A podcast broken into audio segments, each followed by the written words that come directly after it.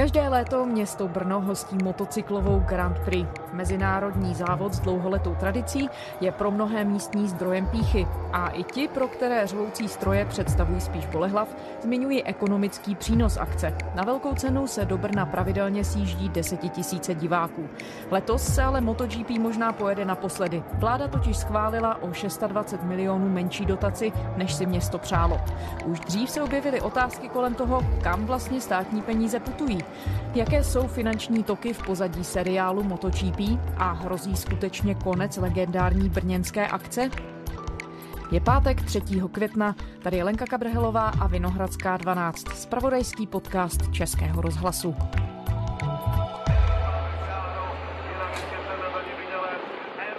Je to neuvěřitelný cirkus. Kdo tam nebyl, asi to se těžko bude popisovat, ale pokusím se o to. Tomáš Jelen, editor radiožurnálu. Představme si přírodní tribunu C, což je takový dlouhý, asi půl kilometru dlouhý pás trávy, nakloněný nad asi třemi zatáčkami toho okruhu. Eh, na něm tisíce lidí sedících buď na trávě nebo v nějakých eh, sedačkách s vlajkami, mávající, křičící, pod nimi jezdící ty velmi hlučné stroje. Když někdo vyhraje, tak tam samozřejmě je nějaká technika, jak to bývá i na třeba fotbalových zápasech. Dlouho jsme nebyli, tak jsme tady. A Valentino Rossi má dobrou formu. Čekáme, že vyhraje. Spíme v kempu, spíme v, v obytném voze a doufáme, že nos proběhne dobře. Máme spoustu divokých sousedů z ciziny. Uvidíme, co se bude dít moci, no.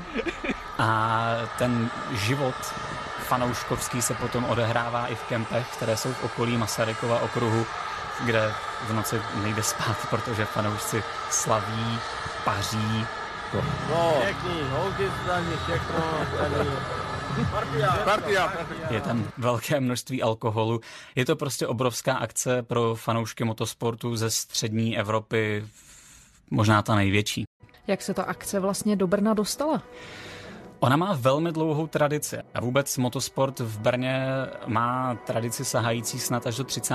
let minulého století. Velká cena Československa, závod družby národů, vrcholný motoristický podnik Svazu pro spolupráci s armádou přilákal do Brna desetitisíce diváků. Kdy se jezdili na obrovském přírodně lomenom městském okruhu v Brně a v okolí Brna závody automobilové. Ten okruh tehdy mimochodem byl srovnatelný s německým Nürburgringem, protože byl velmi dlouhý, měl asi 30 kilometrů. Obtížnost závodu zvyšují také zatáčky, kterých je na okruhu 48. To se postupně zkracovalo a motorky v Brně eh, jezdí od roku 1965. To znamená, ta tradice už je víc než 50 let závodů mistrovství světa silničních motocyklů, což v současné době řadí brněnský okruh na druhé místo toho světového seriálu. Čili z tohoto pohledu je Brno opravdu tradiční místo motorek v tom celosvětovém měřítku. Je ta akce skutečně v ohrožení? Já si myslím, že v současné době určitě je v ohrožení a je v ohrožení možná nejvíce od roku 2015-2016, kdy se o tom stejném tématu mluvilo podobně nahlas a kdy se kvůli finanční náročnosti, což je stejný problém jako dneska celé akce, změnil taky pořadatel. Čili Určitě bych to nebral na lehkou váhu, letos se to opravdu může jet naposledy. No a jak tedy funguje pořadatelství těch jednotlivých závodů? Kolik to stojí a proč se vlastně teď okolo toho rozpředla taková debata? Stojí to hodně. Pořadatelství toho závodního víkendu stojí zhruba 170 milionů korun, což je velká částka. A abychom pochopili, proč je tak složité to pořádat, proč v uplynulých letech v podstatě každý rok se řeší financování, tak si musíme říct, jak to funguje zatím, že klíčová položka celého toho rozpočtu je takzvaný zalistovací poplatek. To je částka, kterou organizátor v Brně v současné době tedy spolek Jihomoravského kraje a města Brna musí zaplatit promotérovi, to znamená majiteli řeknu, licence nebo majiteli práv na pořádání seriálu mistrovství světa silničních motocyklů po celém světě a musí to zaplatit jenom za to, že se ten závod tady pojede. Takže vlastně za tu prestiž, že to můžu pořádat, musím zaplatit. Přesně tak. Tento poplatek v Brně je pro letošní rok na úrovni cirka 110 milionů korun. A to je výdaj, který je paušální. To je výdaj, který musíte zaplatit jako pořadatel dřív, než si pronajmete dráhu, dřív než začnete řešit stupenky, tribuny, velkoplošné obrazovky, cokoliv. A kdo je ta firma, která vlastní tu licenci? To je španělská firma, která se jmenuje Dorna, respektive Dorna Sports. A oni, řeknu, narazili na zlatou žílu biznesu v rámci pořadatelství právě mistrovství světa silničních motocyklů po celém světě. Oni na to vlastní práva, oni vlastní televizní práva, která prodávají paralelně úplně mimo to pořadatelství. A ředitelem této firmy nebo šéfem nejvyšším je Španěl, který se jmenuje Carmelo Espeleta, který vede ta jednání s jednotlivými okruhy, včetně Brna. A tato firma se má dobře díky tomu, že narazila na takto dobrý business model. A tedy čeští pořadatelé, to je ten spolek kraje. Brna a kraje. A, tak ten tedy má za úkol, nebo vytkl si za úkol vlastně tu akci pořádat, ale nepovedlo se mu tedy předpokládám asi snížit tu cenu od Dorny a tak jde za státem a žádá o peníze. A stát ty peníze nepřiklepl. Je to v podstatě tak. Ony v minulosti totiž ty závody v Brně do roku 2015 pořádala soukromá firma Automotodrom Brno.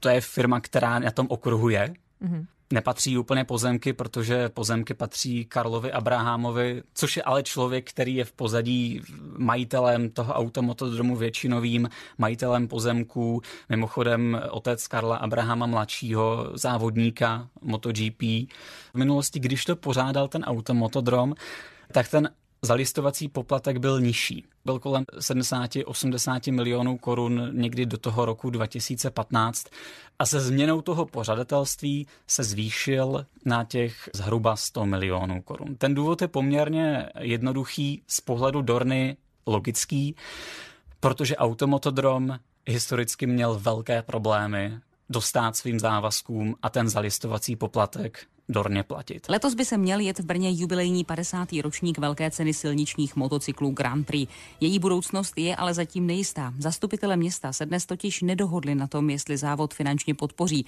Brněnský automotodrom na to reagoval tím, že zastavil předprodej vstupenek. Co je k tomu vedlo? Ptám se Martina Karlíka. Dobrý den. Hezké ráno. Podobně jako v minulých letech tvrdí pořadatelé, že potřebují peníze na takzvaný zalistovací poplatek, který musí zaplatit promoterské společnosti Dorna, aby se brněnská velká cena dostala do seriálu mezinárodních soutěží. Tam každoročně byly velké tahanice o to, ty peníze zaplatit a každoročně tam byly dotace z Jihomoravského kraje, z města Brna a také od státu a byl velký problém, zvláště v roce 2014-2015, ty peníze ze státní úrovně pro ten automotodrom získat na uhrazení tohoto zalistovacího poplatku. Čili ten příběh, který tady slyšíme dneska, stát nedá tolik peněz, kolik my potřebujeme, tak ten narrativ tady už máme mnoho let.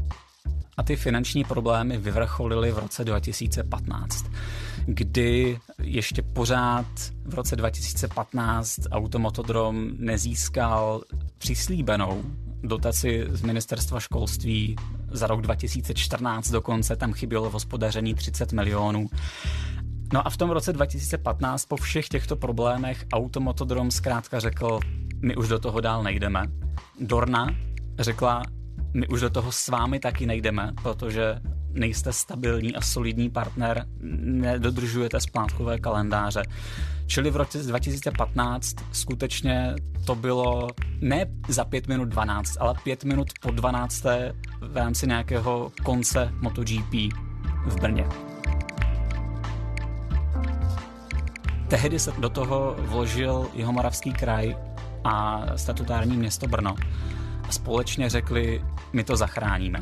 Založili ten už zmíněný spolek a převzali na sebe ty povinnosti mimo jiné spočívající v placení tohoto zalistovacího poplatku. El Gran Premio de la República Checa aquí en el circuito de Brno. Podpis této smlouvy je jedním z nejdůležitějších činů v oblasti mistrovství světa motocyklů. La organización de MotoGP a pro nás, jako firmu, která organizuje MotoGP, je velmi důležité, aby Brněnský okruh byl součástí kalendáře závodů v následujících letech. Republika Čeka estará en el calendario durante los próximos años. Ale ukazuje se, že tedy finančně na tom nejsou o moc líp. Vychází to praště jako uhoď, když to řeknu takhle. Za loňský rok tam byla finanční ztráta v řádech desítek milionů korun, nějakých 30, což je z okolností velmi podobné tomu, jak ta situace vypadala v roce 2014-2015. Čili problém sehnat peníze byl a je a zdá se, že bude.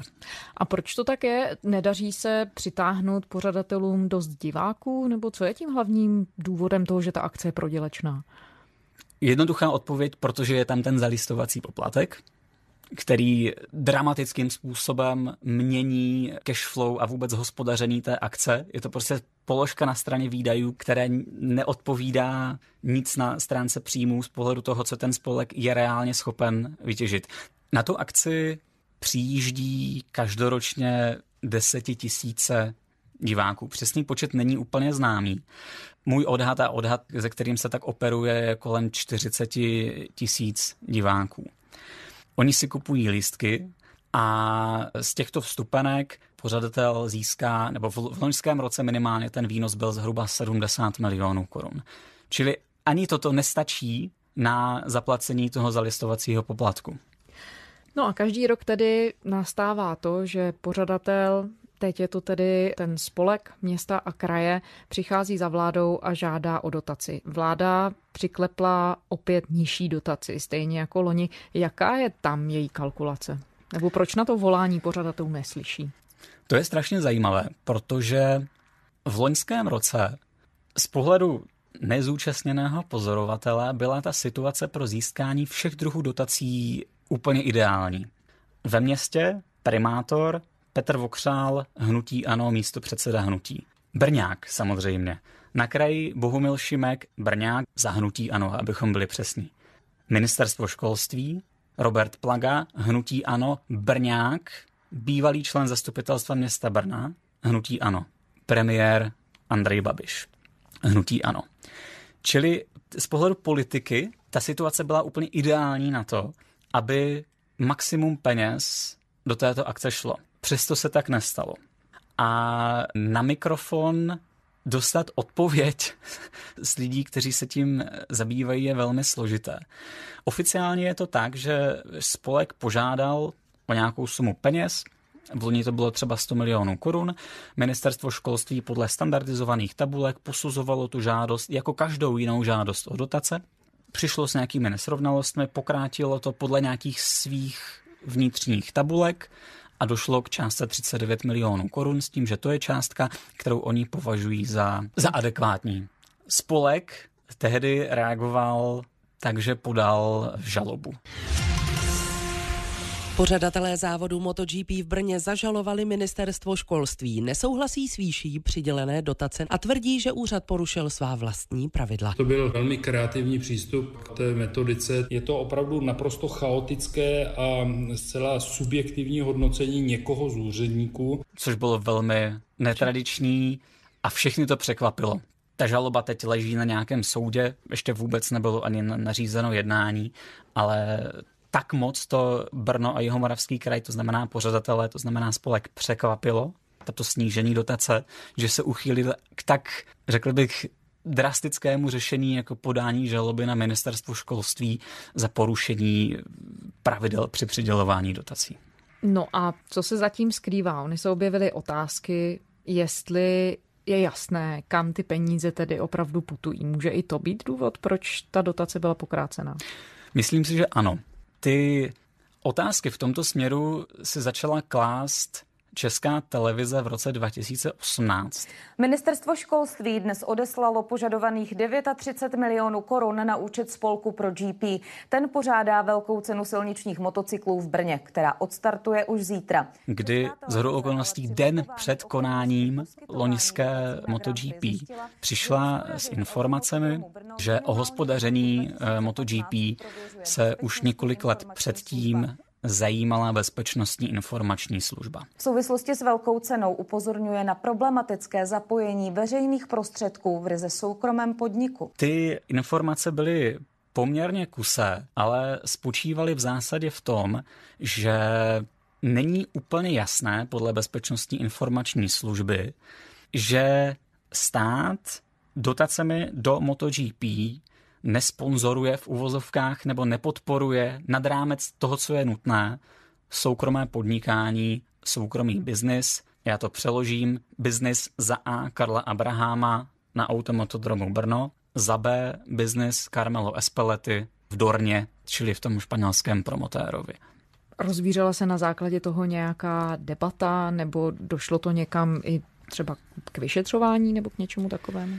Pokud víme, tak ne ta formulace, kterou zveřejnila Česká televize ze zprávy Bezpečnostní informační služby, je velmi obecná. Toto je výroční zpráva Bezpečnostní informační služby za rok 2016. Důležitá je tato na první pohled nenápadná a nekonkrétní pasáž v kapitole číslo 2. Ovlivňování veřejného mínění a rozhodujících autorit ve snaze přesvědčit o nezbytnosti určitého projektu s využitím zkreslených, nepravdivých nebo neúplných informací se záměrem získat ekonomický prospěch na úkor státu považuje BIS za rostoucí problém. BIS popsala několik konkrétních příkladů, kdy stát musel takové formě nátlaku čelit. A pokud víme, tak to nikdo nevyšetřoval, nepředal ani policii, ani státnímu zástupci. Ta formulace je spíš jako upozornění, že pozor pozor, pozor, státe, když dáváš desítky milionů do téhle akce, tak pozor na to, protože ve výsledku z toho profitují a můžou profitovat soukromí podnikatele a není úplně jasné, jestli tolik peněz je nutné tam dávat. Zástupci spolku a automotodromu jakékoliv pochybení samozřejmě odmítli s tím, že to hospodaření je absolutně transparentní a tady se jich musím zastat. To hospodaření je transparentní. Spolek zveřejňuje veškeré smlouvy, které má s Automotodromem Brno, které má s Dornou, které má potom i s dodavateli těch věcí. Čili ono je velmi jasné, kam ty peníze jdou. To není tajemství. Spíš si myslím, že ta bezpečnostní informační služba jenom se dovolila upozornit a poukázat na to, že skutečně desítky milionů korun z veřejných rozpočtů tady jdou ve finále soukromým osobám.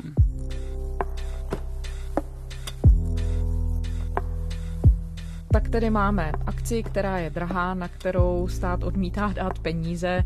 Nevyplatí se ani asi těm soukromým pořadatelům, jak se zdá, jenom kromě té super pořadatelské firmy Dorna. Má vůbec smysl takovou akci držet při životě? Organizátoři spolek Brno Jihomoravský kraj tvrdí, že nepochybně ano. Mají na to několik analýz zpracovaných. Teď se bavím čistě o ekonomickém aspektu. Počítali jsme to mnohokrát, profesionální agentury dělali dopady do cestovního ruchu, dopady do ekonomiky jak města, tak regionu, tak státu. A tyto analýzy zpracovala je společnost Cirrus, zpracovala je společnost KPMG. Tvrdí, že celkový daňový výnos pro stát za tuto obrovskou akci je víc než 200 milionů korun. A je potřeba si uvědomit, že v podstatě během pěti dnů se tady otočí tři čtvrtě miliardy. A jenom na DPH, pokud si to spočítáte, a na, řekněme, spotřebních daních je odhad výnosu kolem 200 milionů. To znamená stát bude mít čistý výnos eh, zhruba 200 milionů tady z této akce. Jinými slovy, to, že sem přijedou desetitisíce i zahraničních diváků, stráví tady v průměru, dejme tomu, ty tři závodní dny, něco tady utratí, něco tady sní, někde se ubytují, zaplatí nějaký benzín a tak dál. A nechají tady tolik peněz, že jenom na daních pro stát se to vrátí částkou cirka 200 milionů korun. Čili to jsou analýzy, kterými pořadatelé argumentují také, když zhání peníze u státu. Druhá věc je ta tradice té akce, že se tady opravdu jede víc než 50 let a byla by zkrátka škoda, kdyby se tady přestala jezdit z pohledu těch pořadatelů, z pohledu motocyklových fanoušků. A taky je třeba říct, že v tom seriálu MotoGP celosvětovém patří Brno k nejnavštěvovanějším zastávkám. Proč se pořadatelé tedy nesnaží víc tlačit na organizaci nebo firmu Dorna, aby zlevnila ten poplatek, za který oni mají právo tu akci pořádat? Oni se o to možná budou snažit nadále, ale řekl bych, že to je extrémně složité, protože konkurence je obrovská. O pořadatelství závodů MotoGP ve střední Evropě má zájem okruh v Maďarsku. Už v tom roce 2015, kdy jsme podobnou situaci řešili a přecházelo tam to pořadatelství, tak do seriálu přibyl nově závod Red Bull Ring v Rakousku, čili ta konkurence je tady obrovská a z toho, co my víme, tak ten zalistovací poplatek, který už teď Brno, respektive česká strana platí, je oproti jiným evropským zemím výrazně nižší. Takže myslím si, že aby si Brno dokázalo vyjednat snížení toho poplatku je z říše snů. No a čím to tedy je, když existuje takováhle konkurence i ve střední Evropě, tak jaká je jejich kalkulace? Jak je možné, že oni i s vyšším zalistovacím poplatkem by mohli počítat s tím, že ta akce nebude prodělečná? Ona je to prestižní akce. A alespoň co tvrdí Automotodrom Brno, tak ve všech evropských zastaveních toho seriálu ten model je takový, jaký ho máme teď v České republice. To znamená, že to zaštiťuje stát na některé úrovni, většinou nějaké regionální uskupení typu kraj. A oni jsou si vědomi toho, že to právě přináší zemi regionu jednak peníze zpátky na daních a jednak velkou prestiž a špendlík na světové mapě nejenom motosport, protože ještě musíme říct, že jenom v televizi se na závody MotoGP dívají miliony diváků. The riders have their last look at this legendary Bruno circuit.